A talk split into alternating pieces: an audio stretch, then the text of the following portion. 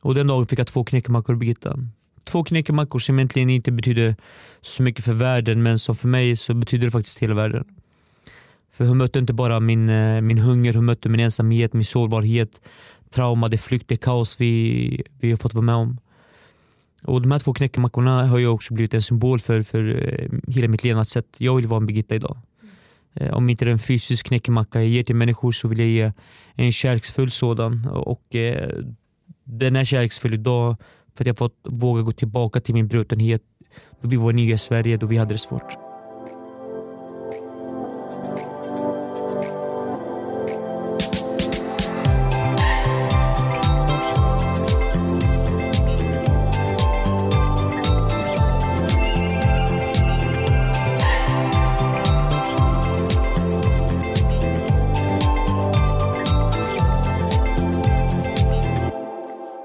Och välkommen till Med målet i sikte. Jag heter Lisa Gustafsson. Och jag heter Charlotte Olsson Bresciani och vi jobbar tillsammans på Iris. Något som vi på Iris brinner mycket för och jobbar mycket med är integration och arbetsmarknad. Och vår, ett av våra stora mål är att bli ledande inom de områdena. Och dagens eh, är Charbel Gabro som är svensk-syrianen eh, som gick från att vara en osäker och destruktiv tonåring till att vara årets genombrott i talarbranschen. Vi kommer att prata om hur små gester och handlingar påverkat honom och hur han nu väljer att ge tillbaka. Idag ska vi prata om knäckemackor, gummibåtar, fördomar och kulturkrockar. Häng med! Varmt, varmt, varmt välkommen till oss Charbel. Tack så mycket och det känns jättevarmt här. Massa kärlek och värme måste jag säga. Och ingen AC. Ingen oss, det behövs inte här. Nej. Eller? Mm. Men Charbel, berätta, vem, vem är du? Ja, det är en väldigt bra fråga. Jag f- funderade senast idag på morgonen, vem är jag? Däremot eh, vet jag vem jag vill vara. Jag vill vara en totalt genomgod person. Jag vill vara så god att folk skojar om mig, driver om mig och tänker den här killen, det, det är något sjukt med honom. S- så där vill jag vara. Ja. Men jag tycker du har kommit en bra bit på väg då. Jag hoppas det i alla fall. Och, det, och jag tror att den här frågan den den är jobbig. Alltså, för Mm. det är klart, det är lätt att, att säga någonting eh, fint och klyschigt och hämtat ur en dikt. Men, men jag tror jag är olika människor eh, beroende på hur jag mår och vilken dag det är. Men eh, framförallt god tänker jag på. Eh, provokativt god. För man, det, det, mm, jag tror det finns både både bra, bra saker i oss människor men också det, mörka sidor, dåliga saker och vanor. God inte bara genom att vara snäll utan god genom att ställa jobbiga frågor Ja. ibland. Alltså. Mm. Är du samma person oavsett vilket sammanhang du är i? Idag är jag väldigt mycket mig själv för att jag, jag har skapat ett forum så jag vågar vara mig själv. Men för några år sedan så eh, kunde jag inte, jag hade inte mandat att vara mig själv. Jag anpassade mig väldigt mycket och Mm. osäker. Men idag försöker jag försöker vara det och det, det, det märker jag utifrån min svenska i hur jag pratar med människor. Det, oavsett om det är på mina föreläsningar eller när jag pratar med, eh, med vänner eller med chefer så försöker jag alltid vara vara härliga Charbel och, och, det, på sitt, det på ett sätt gör så att jag tänker men jag, nu är jag mig själv alltså. Vad skönt, eller? Ja. Ja men faktiskt och, då, och det kan också göra med att jag är ganska senil, jag glömmer bort mycket vad jag säger. Så li, lika bra att säga, eh, säga som det är och då vet jag att jag inte sagt fel eller sagt andra saker. Hitta på någonting. Nej, nej. Ja, men beskriv dig själv. Du, jag, I introduktionen så sa vi svensk-syrianen. Mm. Ja, hur, hur definierar du dig själv? Och det är den här frågan som har varit det som kanske har eh, skadat mig väldigt mycket. Framförallt när jag, när jag var ung och tonåring. Eh, vad är jag för någonting? Är jag, är jag 50% syrian? Är jag 50% svensk? Eh, jag har känt mig väldigt delad och väldigt halv. Men idag vet jag faktiskt vad jag är. Och jag är eh, 100% Östgöte. syrian. Ja, jag är östgöte också faktiskt. Jag är östgöte med men framförallt så är jag 100% syrian Mm. och 100% svensk. Alltså är jag 200% Nice. brukar jag säga. Det är jag och det är Zlatan, det är vi. och med det tankesättet så blir det också en styrka. Precis eh, samma svaghet som jag hade tidigare då jag kände mig delad så kan jag använda det som en styrka idag. Jag tar det bästa av båda världar.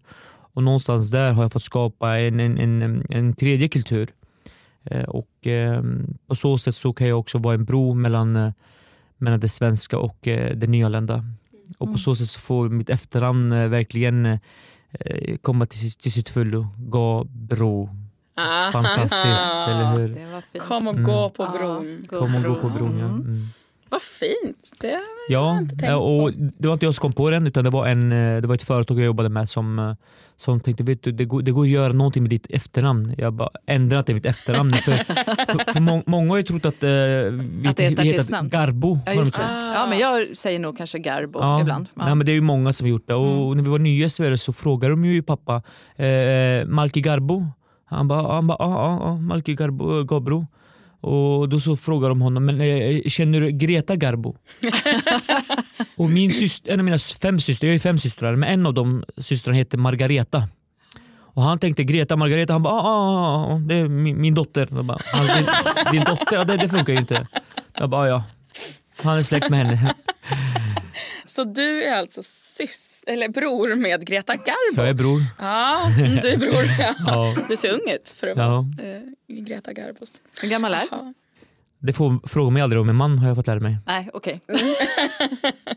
Men apropå dig som ung, vill du berätta lite om, om hur du var som ung? Alltså jag, jag är uppvuxen i ett hem utan eget rum eller egen säng. Där eh, vi har levt väldigt trångt. Och vi, har, eh, vi, hade, vi hade en lek när vi var små. Då min äldsta syster väckte oss. Jag har, sju syskon, jag har sex syskon. Eh, ett syskon dog eh, innan jag föddes. Det var det första syskonet. Och Den här leken gick ut på att vi skulle räkna alla sovande personer hemma hos oss. Ibland I, var det... Här i Sverige I, alltså? i, ja, jag pratar bara Mm. Sverige. Mm. Jag kommer inte ihåg så mycket från Syrien, men i Sverige. Och Det var en gång, jag kommer, alltså jag kommer ihåg själva räkningen. 52, 53, 54 Oj. sovande personer. Vi I började ju hur, självklart. hur stor var Det lägenheten? var en femma. Var Ja. det. Men det spelar ingen roll. Det är två personer. Ja. Vilka var de här människorna? Det var kusiner och släktingar till, till Mm. oss. 54, inte 52. 54. Oj. Och eh, det låter ju det låter som på film. Mm. Men när jag går tillbaka till, till vår barndom eh, så tänker jag hur, hur kunde vi överleva det här? Alltså, vilket, apropå psykisk ohälsa. Men så mycket kärlek, så mycket värme, så mycket liv. Helt fantastiskt. Och det, det är också situationer man kanske saknar ibland när man tänker på hur livet väldigt kan vara ensamt ibland. Mm. Jag är väldigt mycket på resande fot och ensam, går in till hotellrum och lever lyxigt eh, och blir behandlad jättebra. Men också ensamt. Medan eh, där levde man, eh, man hade fått dela säng. Ibland så sov vi typ fyra personer i en och samma säng. Vi var ändå små, det är klart man fick plats. Mm. Men, eh, men, men det har också präglat mitt liv väldigt mycket. Det har gjort så att jag är väldigt bra socialt. Jag eh, är en liten kameleont. Eh, beroende på situation så kan jag förändras också väldigt mycket. Och inte att jag är falsk eller inte mig själv. Men eh, tragedi, tragedin och, och, och svårigheter kan lika mycket som de tar sönder oss totalt också bygga upp oss och göra oss till eh, så mycket starkare än vad vi var. Så det finns en, både en sorglig, sorglig eh, syn på min barndom men också någonting jag inte mm, skulle vilja vara utan. Det måste jag säga. Det är min styrka är därifrån, absolut. Hur kom det sig att ni kom till Sverige? Min mamma fick stroke eh, 86 var det. Hon var 30, 36 år någonting typ. Och Och- hade redan flera barn då? hon hade sju barn och hon Sju var analfabet i Mm. Syrien. Och Mm. eh, I våra kulturer så får man inte frågan ställd oj vad har hänt dig? Utan vad har du gjort för att förtjäna att bli sjuk? Och den här skammen och skulden gjorde så att eh, det, det skulle bli ännu svårare för henne att, eh, att kunna uppfostra oss och, och kunna leva i Syrien. Så vi flyttade hit för att min morbror bodde i Sverige. Och eh, Det är det värsta som hänt i vårt liv. Det, det har varit vår båt, vår, vår eh, flykt, vår tragedi, vårt fly, vår flykt och, och krig som har gjort så att jag någonstans där eh, har hamnat väldigt mycket i utanförskap. Som har gjort så att jag eh, också levt destruktivt och hamnat både i, i spelmissbruk och i självmordstankar. Eh, avsaknad av eh, en mamma, avsaknad av föräldrar överhuvudtaget. Så mina syskon har ju fått blivit mina föräldrar. Men för det, när du var ung så levde du destruktivt. Ja. Eh, vad kan du säga, vad var det som gjorde att du drevs ut i det? Nej, men, och jag tror det har att göra med avsaknad av, av föräldrar först och främst. Att eh, inte ha blivit eh, omhändertagen av sin egen mamma. Eh, och, Men ni bodde tillsammans men hon hade inte liksom, hon, ja, hade nej, hon har fullt förmågan upp. och Nej, orken. det Ja, går inte. Så nej. det, men hon, hon, hon, hon har inte överlevt, eller hon har inte levt, hon har bara, bara, bara överlevt. Och eh, vi är så tacksamma att vi har fått så många år med henne. Hon lever, hon lever än idag och det är min största styrka. Men, men det i sig gjorde så att utöver alla kulturkrockar, utöver att eh, vi levde väldigt fattigt i Sverige i första tiden så hi- hittade inte våran plats och visste inte vart vi skulle. Och mycket psykisk ohälsa samtidigt som det fanns inga invandrare när vi kom, inte, inte till den platsen eh, där vi var. Jag är uppvuxen i Norrköping Mm. Och tänker då eh, inga invandrare så kommer vi, vi gick alltid pack, alla mina syskon och, och jag och det är klart folk, eh, att det blev bråk hela tiden. Eh, Och i, i det så hittar man människor som är som en själv. Man blir som man umgås och hittar jag inte någonting, någon konstruktiv plats så blir det oftast destruktiv. Hur kunde du visa sig den, den här destruktiva Jag, sidan? vi var ute väldigt mycket och festa och, slogs och gjorde små brott och eh, härjade. Mm. När, eh, när vände det då för dig? När jag var 22 år gammal så, så var livet så trasigt för mig att jag har tänkt så många år på att släcka livet. Och från ingenstans så bad jag en bön. Jag, jag är född kristen, jag är syrisk ortodox och då har Jesus varit med hela tiden men eh, vi har inte haft någon, någon personlig relation till, eh, till Gud och aldrig varit i kyrkan men, och aldrig läst bibeln eller, eller någonting. Men jag tänkte eh, det, här- det här sista jag prövar. Eh, Min, min familj är troende så jag tänkte okej, jag ska be en bön. Jag bad bönen, jag vaknar upp, hela livet är förändrat dagen efter. Oj. Då var jag vilket, 22 år på gammal. vilket sätt hade det förändrats? Jag kan inte beskriva men det hat som jag hade inom mig, det är ju den kärlek jag lever på idag. Var det någon form av lugn eller trygghet? En frid, eller? jag, jag Ja. svävar på moln. Det, jag, jag Som önskar, att vara lite nykär? Som att jag var totalt förälskad och, och, och nyfödd till och med. Och jag, jag önskar jag kunde förklara det mer, jag önskar att jag kunde rita upp det. Jag önskar att jag kunde göra former på det för att låta andra människor som också lever destruktivt eh, få, få uppleva det här. Och nu handlar det inte om Gud utan det handlar om att hitta, hitta sig själv och hi- hit, Mm. ja, hitta sin plats. Mm. För du har pratat förut om en, eh, en spegel. Hur, vill du berätta det? Ja, men I mina föreläsningar då jag, då jag möter framförallt eh, ungdomar så brukar jag göra en övning som, som speglar eh, min personliga utveckling. Där, eh, där man gör en övning att man eh, går in i toaletten. Är det här något man kan göra om Ja, man... och det I vilka situationer kan, om jag och Lisa ska göra en spegelövning då? Nej, men när behöver vi göra den? När, när man känner att man är värdelös, när man känner att man är ful och tjock och, och fel hudfärg och inte räcker till. Då behöver man kolla i spegeln och, och säga till sig själv eh, Charbel, du är bra. Och eh, våga vara närvarande trots att du är så besviken på dig själv, trots att du hatar ditt egna utseende och, och ditt egna ansikte. Och, men inte bara göra det en gång utan att du gör det kontinuerligt eh, varje morgon. Tills du inte skäms längre för, för det ansikte du ser. Och våga titta in djupt i dina egna ögon. Och det, det, det blev också en av mina vändningar. För det handlar väl inte egentligen om det man ser utan det är väl mer det man känner inne. Ja, men att man måste möta det i en spegel. Då. Mm. Och det handlar ju framförallt om att våga möta sig själv. För, för en, har inte jag vågat möta eh, min sårbarhet och min trasighet så blir det omöjligt för, för oss att kunna möta andra människor i deras sårbarhet. Det kan funka lite då och då men eh, på, på längre sikt så funkar inte. Och vi ska ändå hålla tills vi är 65 eller 70 eller vad det nu är. Förhoppningsvis lite längre Nej, känner jag. då menar jag i, i arbetssammanhang. ja, ja. Okej, Eh, ja. Och eh, då behöver jag vara eh, ändå ganska klar. Och jag tror man aldrig blir klar med sig själv. Men, men ändå någorlunda ha lite koll på, på sin trasighet. Mm. Och utöver själva spegelövningen som jag, som jag också tvingar folk att de ska kolla in i varandras ögon. Då skulle jag titta in i Lisas ögon och säga Lisa, du är bra. Då ska Lisa säga till sig själv, tack jag är bra. Så ska Lisa skicka meningen tillbaka till mig. Hon ska, så hon ska säga Charbel du är bra. Då ska jag säga tack jag är bäst, eller förlåt, eh, jag, jag, jag är bra ska jag säga då. Och det här ska man göra två, tre gånger. Eh, och, och, alltså folk vill ju inte göra det här. Folk vill gå, framförallt tuffa grabbarna. Vi har ju faktiskt gjort den övningen tillsammans eh, med elever som har gått eh, SFI. Ja just det, just det. Du var ju med. Jag har varit med och det är fantastiskt att se hur alla bara skruvar på sig Ja. och Charbel går runt där som en liten så här övervakare och bara kom igen, gör! Så, ni två, gör nu! Och de bara och till slut så gör de. Och det är ju ofta det, när, när man sammanfattar hela föreläsningen, så liksom, ah, men vad tar ni med er?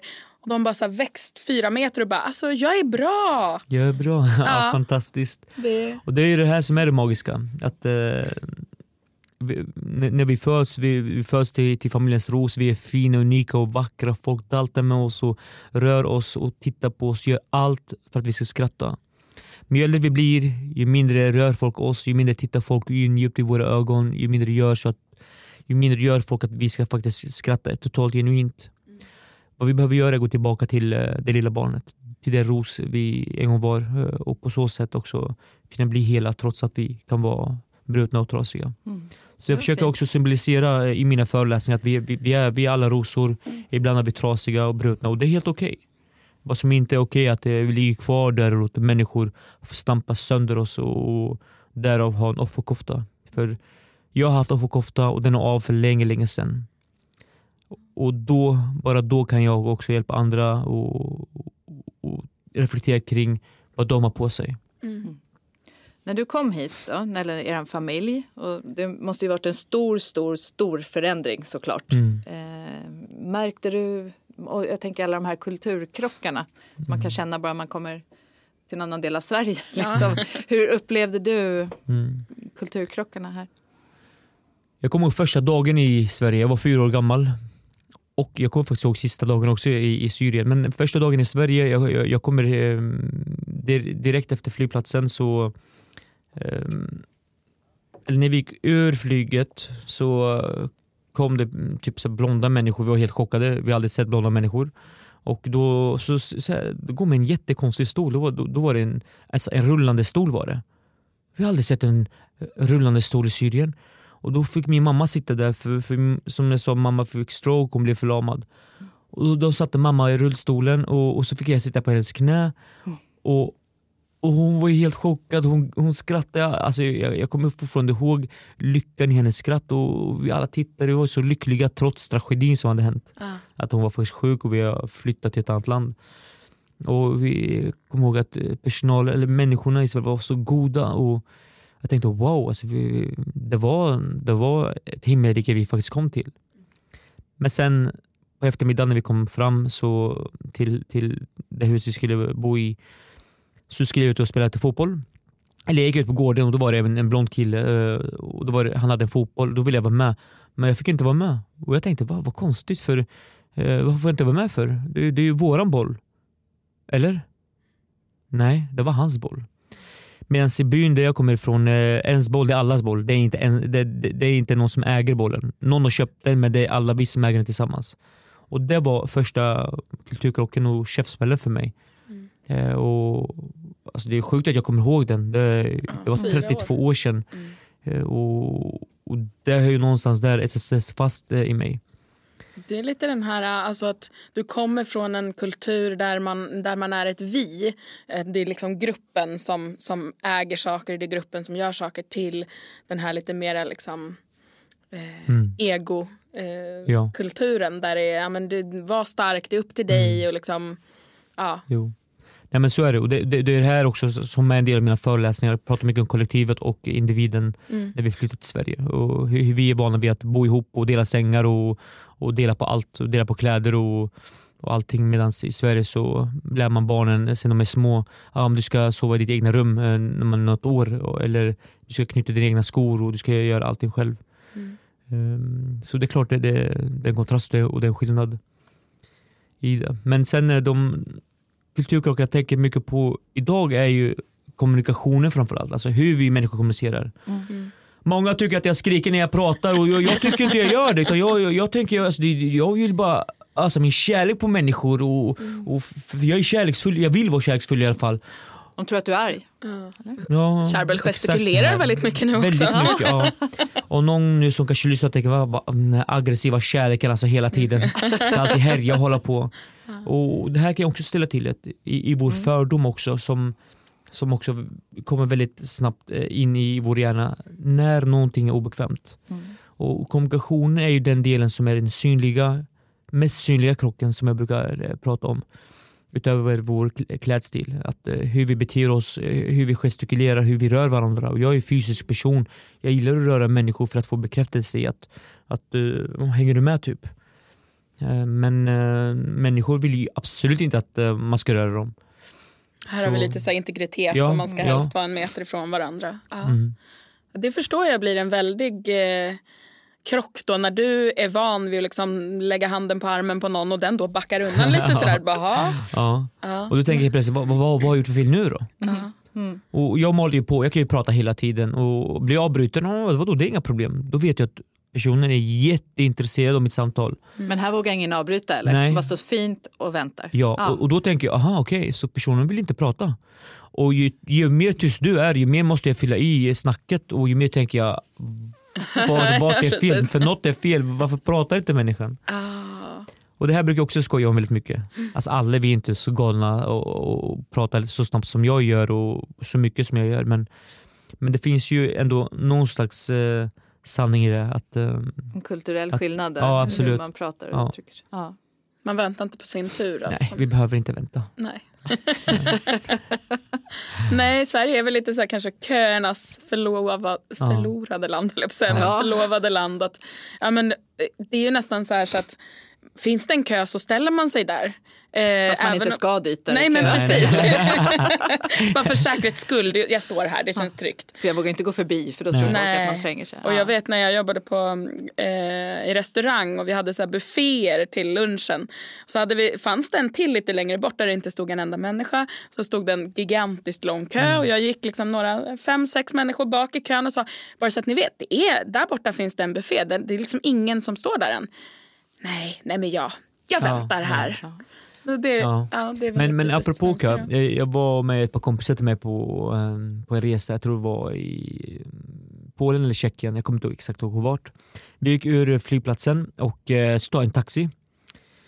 Och så står det värsta kön, vi tänker vad, vad är det frågan om? Då var det ju taxikön. Jag bara okej, men så kollar jag längre bort och då ser jag en, typ ett par taxibilar lediga. Jag bara, men ska vi inte ta dem då? Jag bara, nej det kan vi inte göra, sa mina kompisar. Och så bilen var där så tänkte jag bara, alltså jag, varför ska jag stå i kö om, om det finns något som är ledigt? Och så frågade jag, alltså jag pekar ju taxichauffören, det finns ju ett, det universella språket, kroppsspråket. Mm. Så frågar jag, typ, pekar på mig och på taxin, "F- går det att vi kommer? Då, då skakar han på huvudet och säger ja, Eh, eller han nickar och säger ja. Och så säger jag till grabbarna, grabbarna ska vi? De bara, nej Sharpe det går inte. Alltså, det, det. Jag bara, jag går, jag skiter i det. Ingen går dit, så jag gick. Och ni skulle sett alla blickar för hela flyget var ju svenskar. Det var ju svenskar som har skapat kön. Mm. Utomlands. Ja. Inte, inte bara i Sverige det skapas köer av svenskar. Nej. Utan även utomlands. Och då, då börjar ju andra också gå över och Ja. ta, det fanns massa taxibilar där. Jo, då följer man ju efter. Ja, Så ja, då- då får man efter, ja. Då är det man bara okej. hänger Ja. på. Man kollar först in, Ja. vad gör alla? Okej, då är det okej. Ja. Ja. Men, men sen är det ju, ibland kan man ju läsa blickar, man, man tänker att de, de där invandrarna, de ska alltid Tränga hålla sig. på.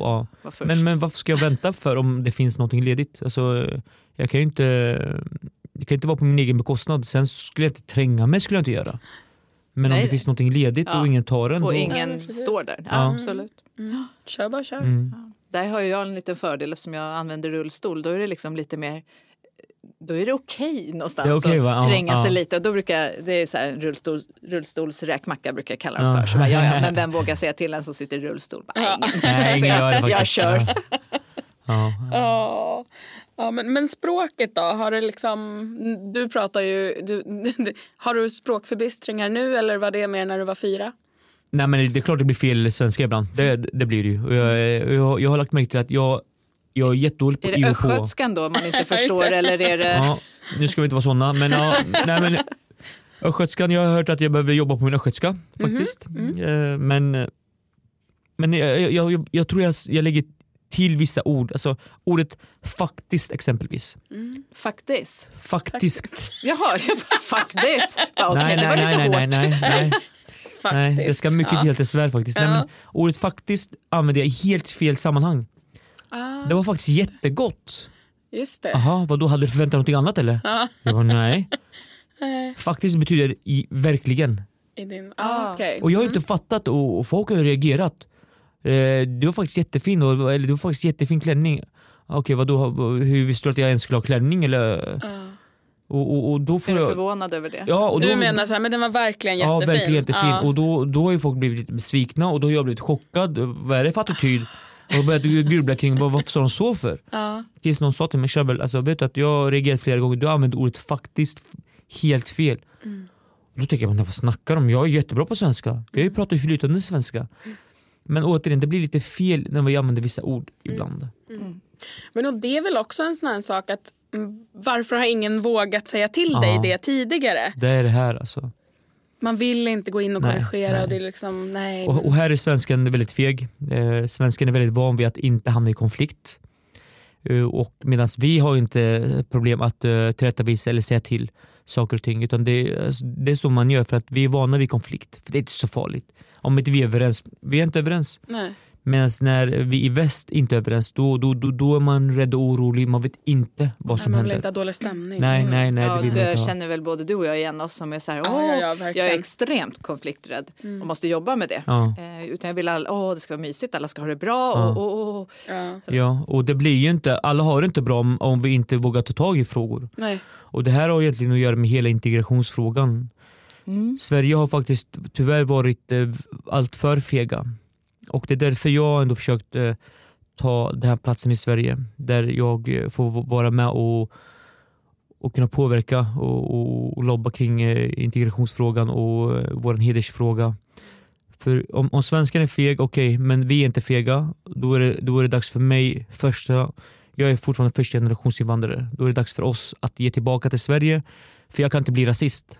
Jag är själv invandrare, Mm. ser ut som en nyanländ i mitt utseende och därav så behöver jag faktiskt med, mina, med min dubbelhet också kunna, kunna hjälpa, Sverige Mm. genom att eh, vara skarp eller vara tydlig och inte vara rädd för, för konflikten. Nej. Och lära, för det handlar väl mycket om okunskap också. eller att man inte jo. vet. Ja, Man vill i många fall Jo. tror jag göra rätt och så blir det fel med Ja, alla de här jo, med, alltså, krockar och och jag tror det det blir fel för att man inte, för att man inte gör någonting åt saken. För att Mm. man inte vågar.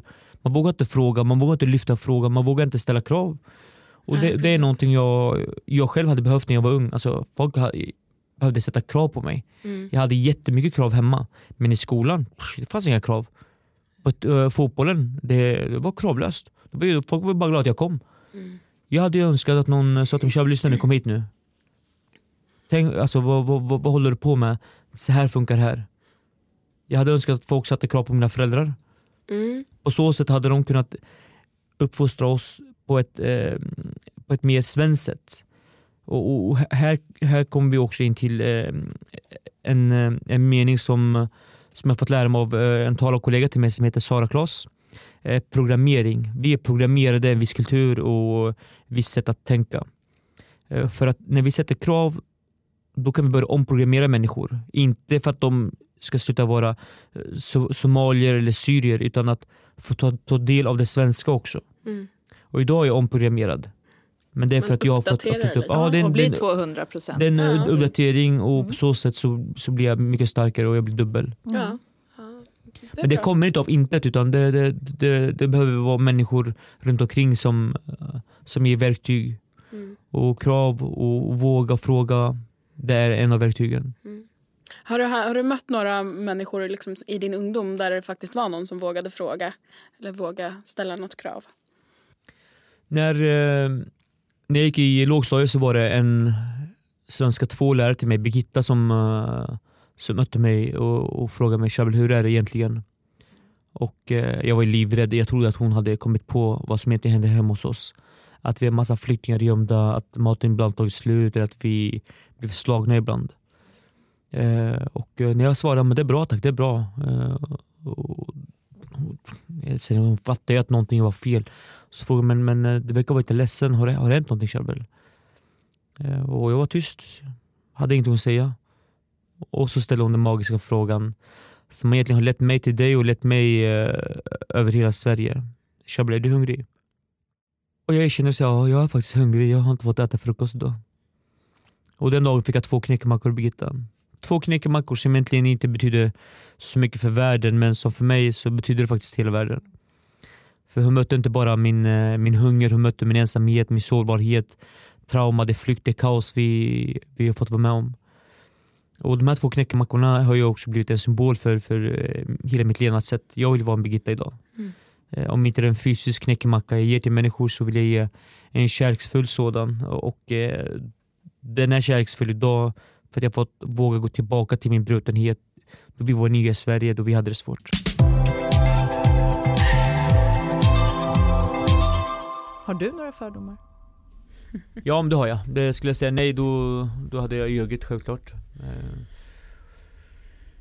Jag har haft fördomar mot mörka människor, mot somalier. Okej. Ja, och jag vågar erkänna det för att jag, jag har förstått det själv tills jag kom i kontakt med, med en somalisk eh, man som blev min kollega. Och eh, vi började lära känna varandra på jobbet och jag menar jag ville, jag ville inte hälsa på honom i början. Idag jag kramar honom, jag kan pussa honom, hans mörka skinn. Då är han muslim, han är från Afrika och, och eh, somalier har inte det bästa ryktet om sig. Och och det, det, har ju, det har hjälpt mig så mycket i min omprogrammering eh, gentemot somalier, i, i, i min fördom gentemot somalier. Eh, och eh, så fort jag upptäcker att jag har någon fördom Alltså det kommer upp lite, lite här och var, ibland är jag bara bland svenskar och känner mig underlägsen Då kommer mina fördomar Mm. Hur eh, bröt du fördomarna som du hade då? Nej men just Hur att jag fick lära känna mötte honom du honom? Ja. Nej men i och med att jag fick lära känna honom och ha- han släppte in mig i hans värld och jag släppte in honom i min värld och Vi kunde gå runt på stan eh, i Norrköping och bara prata Mm. Eh, och då så såg folk, va?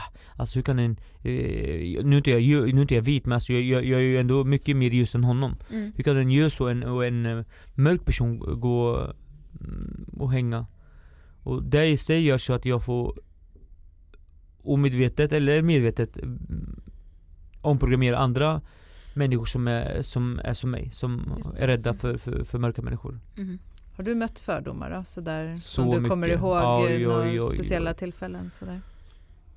Jag gick in i en, jag hade ett uppdrag i, eh, jag tror det var Mora, jag vet inte vart det var. Det- Det var då eh, uppe någonstans. Och jag skulle flytta på, på en hyrbil jag hade, då hade jag mjukisbyxor så jag, jag gick in i hissen och där i hissen så mötte jag bara kostymnissar. Och eh, jag känner hur fel jag är i det sammanhanget. Det, det, det var typ tre, fyra våningar eh, jag skulle, vi, ner vi skulle och det kändes som en evighet. Det tog aldrig slut den där hissresan. Och ingen sa någonting, folk andades knappt. Jag hade, för att jag, jag, jag var inte tillfixad. Det, och då tänkte jag, vad gör, vad, vad gör han här, den här killen? Vad ska han sno nu? Vad ska han göra? Vad har han gjort? Vad ska, ja, alltså, vad, det, det var så, jag har aldrig känt mig så fel. Men egentligen så kan ju det vara din fördom gentemot dem. Ja, De kanske bara, Stela. tänk om jag hade fått ha såna sköna mjukisbrallor. Ja. Här står jag i min Skulle tajta kunna vara slips. så med. Jag, jag, jag, Ja. jag har ju fått rannsaka mig själv, varför Mm. kände jag för, så för? Mm. För jag var ju tagen alltså Tänker jag så lite om mig själv? Eller var det eh, att de, ehm, deras attityd och inställning alltså eh, utstrålade så mycket?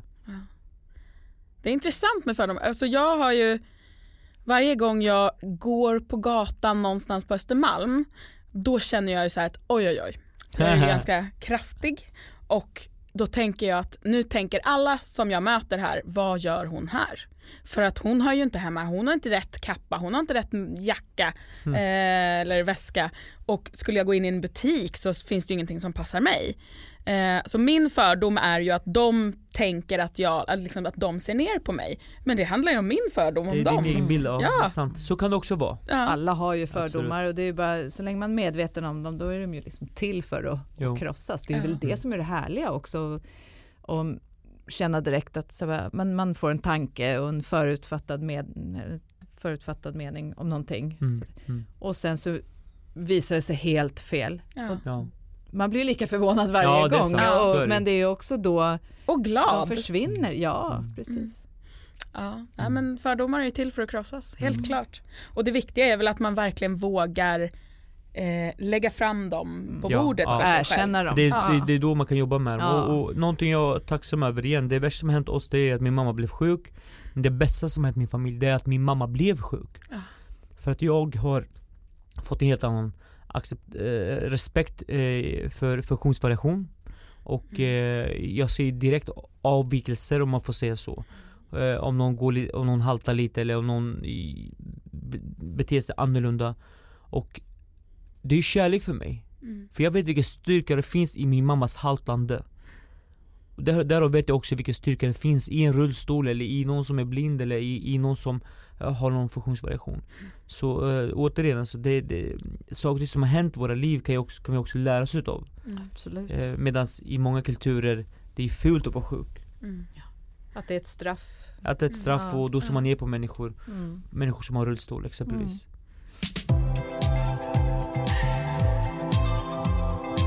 Du har ju varit nere nu eh, på senare år och hjälpt till i Grekland. Mm. Hur, vad var det som gjorde att du beslutade för att åka dit? När den här bilden på tvååriga Allan kom upp Mm. Då började vårt hjärta slå och vi, sa, vi öppnade upp och vi sa välkommen hit. eh, Och, Bilden på barnet Ja, som bilden på, på det lilla Ja. barnet. Ja. Mm. Hemskt absolut. Och, och eh, då blev det så påtagligt mig. Och eh, jag ringde ett par kompisar samma dag och vi tänkte okej, vi, ska, vi ska göra en insamling. Vi ska åka ner till Lesbos och bara kolla och se vad vi, vad vi kan göra. Mm. Och jag, jag fattade inte hur det gick till men eh, så stod jag där. På Förstod du vad som stranden. skulle vänta dig då? Nej, jag fattar Nej. ingenting. Och det är det som är så bra med människan. Vi fattar ingenting. Och vi biter ihop och vi säger ja till grejer, grejer man inte borde säga ja till. Jag borde inte ha sagt ja till det. Men det kanske var räddningen för några? Att du sa ja? Det här är det bästa jag gjort. Mm. Det är det värsta absolut, men det är det bästa också för att göra i mitt liv.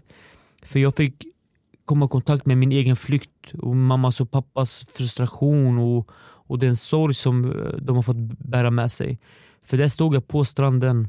Första båten kommer, första människolasten går av och första person jag fick ta hand om. En person som eh, påminner om min pappa. Eh, som han var äldre och darrandes, gråtandes. Jag fattade ju inte om det var av sorg eller om det var av lycka. Och där och då insåg jag att trots den misär vi, vi, vi har vuxit upp i så har vi haft det så bra och eh, vi har haft sån tur i att vi har kunnat överleva allt. Och det blir också ett startskott på, på hela min eh, resa som eh, årets talare genom brott. För, för jag har verkligen fått sett kris och kaos i vitögat. Och det, det, den känslan får jag ta med mig och få, få eh, provocera svenskar med eh, på mina egna föreläsningar.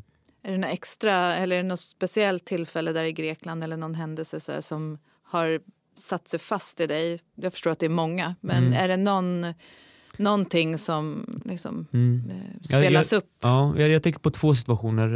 Eh, Den ena var när eh, jag har gjort den här resan två gånger. Första resan var 2015 och vi är på, vi är på Moria som flyktingförläggningen heter. En av dem som fanns då. Och eh, I Moria så hade två dagar innan vi kom en av mina mammas släktingar kommit Mhm.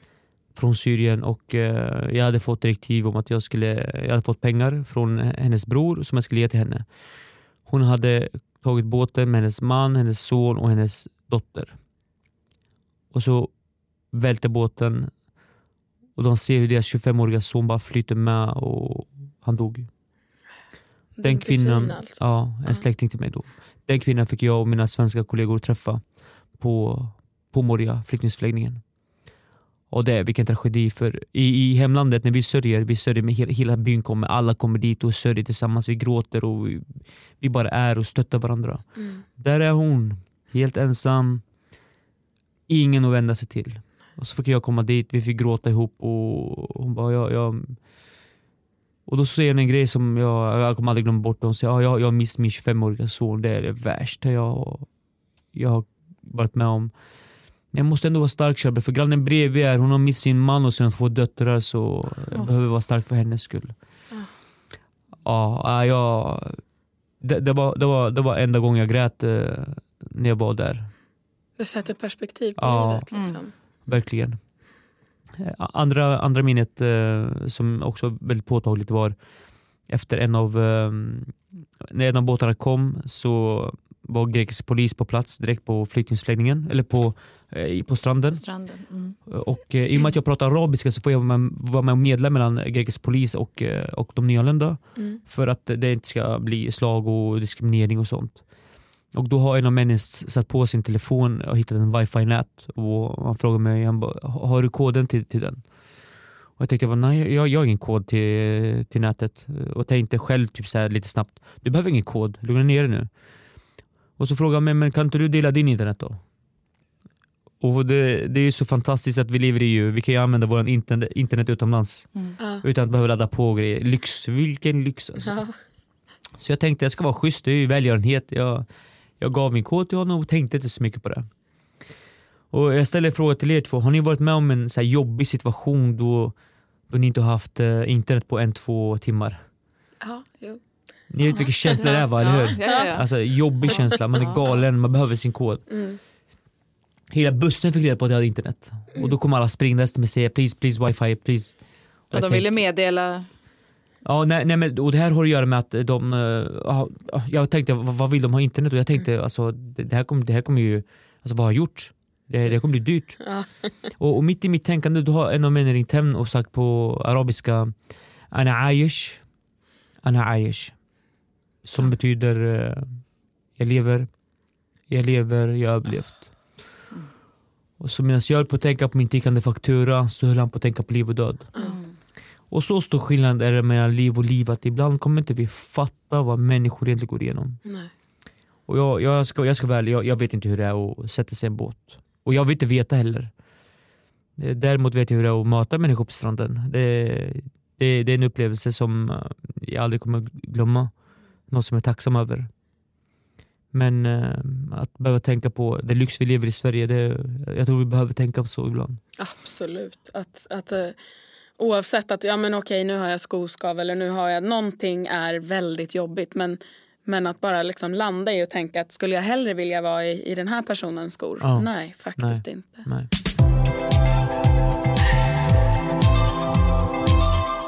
Ja, men dubbelvinnare alltså. Du har nu senaste veckan bara Ja. både fått ta emot eh, Narrenpriset Mm. och blivit årets genombrott på Talargalan.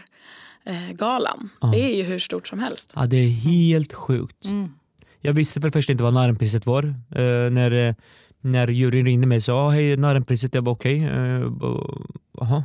Han bara och eh, ja, så sa de, då, han pratade om ett datum, han bara kan du då? Jag bara "Ah, ja, jo, jag kan, jag får eh, ju- justera lite. Jag bara men varför? Han bara, nej men så berättade han vilka som var nominerade. Jag bara, "Ha, wow, alltså vilka människor. Han bara, du och du, jag bara, "Vad- ja vadå? Han bara, du har vunnit. Jag bara, vunnit vad? Jag fattar, jag är jag ens med tänkte jag. Jag förstod ingenting. Så jag fattar inte vad Narrenpriset var, men det är ett jättehedersvärt pris. Eh, Det är eventbranschens Ja. egna mm, pris Ja. till, till den bästa talaren. Ja, då, då är det inte, inte, det handlar inte bara om bästa tal utan en, en, en artist. Det, det, är, det är ingen talare utan en artist som har Ah. gjort skillnad eh, i Sverige med, med, med sin gåva eller sin profession på något sätt. Och det är det är du faktiskt. det. Det, det brukar jag säga när jag, när jag förklarar dig att, att du föreläser inte utan att det blir mer som en upplevelse. Ja. För att du, du är väldigt liksom, du har så mycket kroppsspråk och säger du att när jag tänker då pekar du på din tinning. Ja. Och, och, ja, men dels får man själv göra mycket saker Mm. i din föreläsning. Eh, och man får uppleva och man får känna men man får också se. Liksom. Det är nästan som en... Ja, men det är en föreställning brukar jag Ja, säga. Det är, ja, föreläsning låter tråkigt. Nu ska jag inte dissa föreläsaryrket, jag, är- jag är ju föreläsare men, Ja. men det är föreställning. Och jag Ja, vill men- Mm. göra det lite mer också. Alltså att, uh, Använda drama och, och gestikulera massa grejer. Det, Mm. jag, jag, jag gillar det, att vara lite dramatisk av mig. Och det funkar ju uppenbarligen.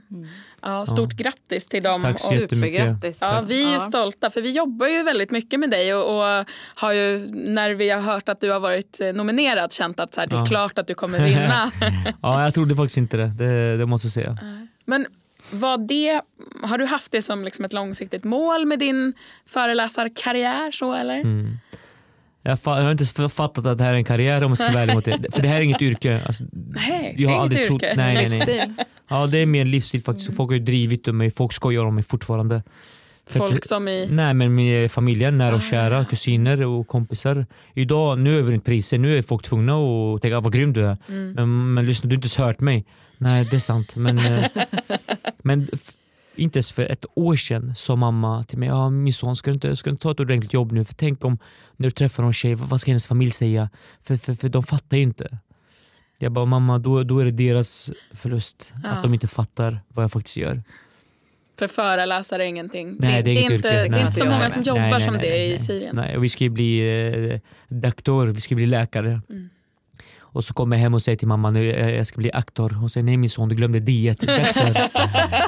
Så, nej, men, nej, jag har inte haft något mål med det här. Utan jag, jag, jag, jag Du flöt med och flöt hela vägen Ja. upp till toppen. ja, helt sjukt. Ja. Helt sjukt. Har du något mål i livet? Vi- Det här podden heter ju Med målet Med i sikte. Vi brukar alltid prata Ja. lite om vad man har för mål. Nej, och- men ett personligt mål, det här kommer låta sjukt. Och det, jag, jag är inte desperat någonstans men jag, jag, vill, ehm, jag vill eh, bilda familj, jag vill eh, skaffa barn och då behöver jag en fru. Mm. Är en kvinna. Eh, så det, är- det är ett personligt mål och det får, det får ta det tid det tar. Mm. Men eh, alltså, i, i min karriär, jag vet inte. Jag har jobbat med ungdomar i hela mitt liv.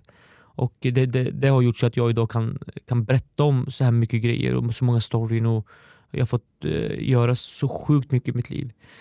Men jag tror jag skulle vilja göra TV, tror jag. Jag har varit Ja. med på TV några gånger. Mm. Ja, du är ju, du Ja. passar, du är, du är ju eh, mer än en radioröst så att säga. Ja, nej, men det, ja tack så mycket. Nej, men, eh, jag, jag tror jag skulle göra, göra, göra bra eh, om jag skulle kunna medverka. Och sen vet jag inte, och det- jag vet, jag vet inte om det är film jag vill göra, men, men någonting. Eh, och jag tror inte jag har svårt att lära mig grejer. Däremot, Ta över Skavlan kanske? eh, ja, vad nu Skavlan är för någonting. jag kollar ju aldrig på TV. Jag, vet, m- jag borde veta vad Skavlan är eller? Ja, det borde du. Ja. Sorry. kan ju börja som gäst där. Integ- Ja, integration här precis. nu. Mm. Vi får skicka Ja. in dig till gäst i Ja. Skavlan så kan du bara fråga, alltså, vem är du egentligen? Vem är du? Ja, mm, ja det är rätt. Ja. Charbel, eh, Mm. efter alla de här framgångarna och otaliga föreläsningarna du har gjort, Mm. vad, vad är den bästa feedbacken du har fått? bästa feedbacken var efter en föreläsning du hade föräldrakunskap. Först mötte jag föräldrarna och sen så mötte jag eleverna på en skola.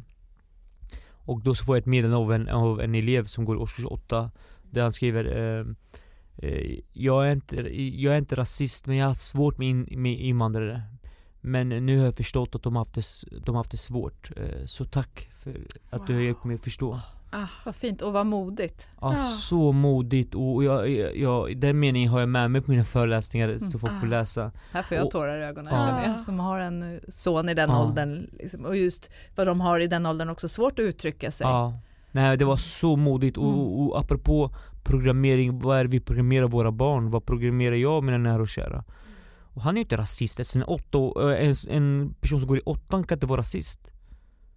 Och, och det är det som är det tragiska, Mm. att vi eh, tyvärr, eh, Vi för ju över våra om, åsikter ja. på våra barn. Det är ju vårt absolut så är det. ansvar och, och lära dem, Ja. Ja, vad, eller visa dem Ja. verkligheten och världen. Ja, och, och jag tänker att det finns ingen rasism tänker jag.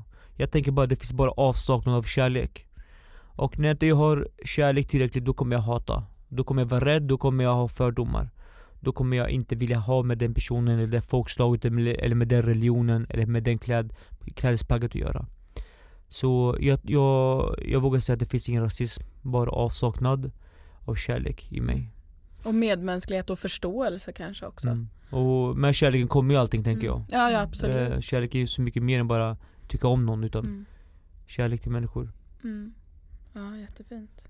Den andra feedbacken och kanske det, det, det vackraste jag fått höra eh, av någon människa efter mina föreläsningar var en ung kille som var och lyssnade på mig när jag föreläste om, sexualitet. Det är en, en nyanländ kille. Och efter föreläsningen så springer jag till scenen och, och, och jag, jag har ju provocerat och varit jobbig. För jag har pratat om något som är tabubelagt. Så jag blir ju rädd när han springer. Och jag tänker nu, nu är det fight. Nu, nu, nu kommer vi bråka. Och det är klart alltså man skyddar sig själv eller man, man vill försvara sig själv någonstans. Och medan jag är beredd på det värsta så får jag höra det finaste någon har sagt till mig. Han säger lyssna. Jag känner igen dig, jag har sett dig någonstans. Och jag, jag vet inte vem det är, jag är beredd med... Ställer du dig liksom ja, ja, någonstans ja? Ja, ja. eh, Garden uppe, Ja. absolut. Jag är beredd. Och han säger, det var du som hjälpte mig när jag kom ut från min båt på Lesbos. Och nu möter du mig, kom in i det svenska samhället. Han kramade mig och han bara gick därifrån. Och det har ju gett mig så sjuka perspektiv på livet. Att ett, det jag tror det stämmer inte alla gånger. Nummer två, det jag faktiskt gör, det gör skillnad. Enorm skillnad. Så sjukt mycket skillnad. Mm. Och, och nu, behöver, nu menar jag inte att man behöver åka till Lesbos för att, eh, för att hjälpa människor. Så vi kan göra våra Lesbos eh, Vad eh, kan, vi lite- göra? lite Vad kan vi göra som människor här hemma?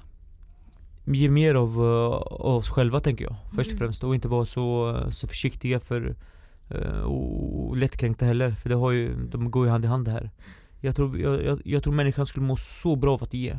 Det är därför jag ger ju, det är av egoistiska skäl också, absolut. Mm. Jag ger för att det är så jag får också får. Mm. För när jag ser dig bli lycklig, då blir jag också lycklig någonstans. Mm. Eh, Exakt vad Alexander sa här i Ja. för, förra avsnittet. Var det så? Okej. Ja, och då pratar vi om en helt, då pratar vi om nätverkande men det är precis samma samma sak. Att, att, ja, eh, mm. att ge är liksom att stärka sig Ja. själv och bli glad och ja. Ja. Men det, så när, när när jag går tillbaka till, eh, till min egen historia och ser vad jag alltid har gjort, alltså då, det är klart jag blir glad och känner mig nöjd med det, det jag åstadkommit. Sen är jag inte eh, nöjd med, med allting, det är klart jag vill förbättra saker och ting. Men ge det lilla och så kommer du säkert få, oavsett om det är stort eller litet.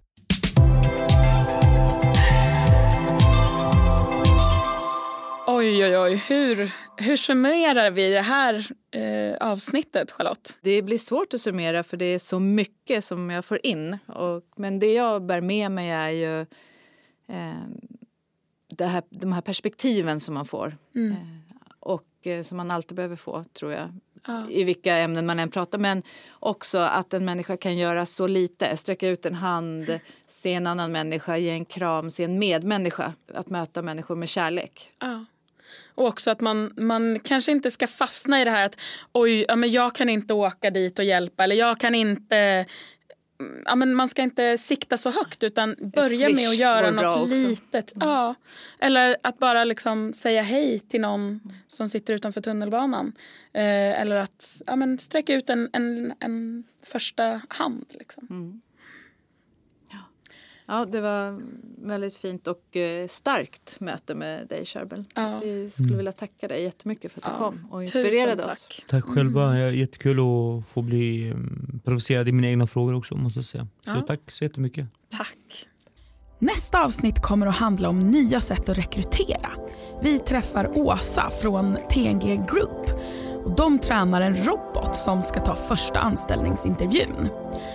Vi har också med oss vår innovativa kollega Eva-Lena som skapat rekryteringssajten jobbra.se där CVt är ett minne blott. Vi hörs om två veckor.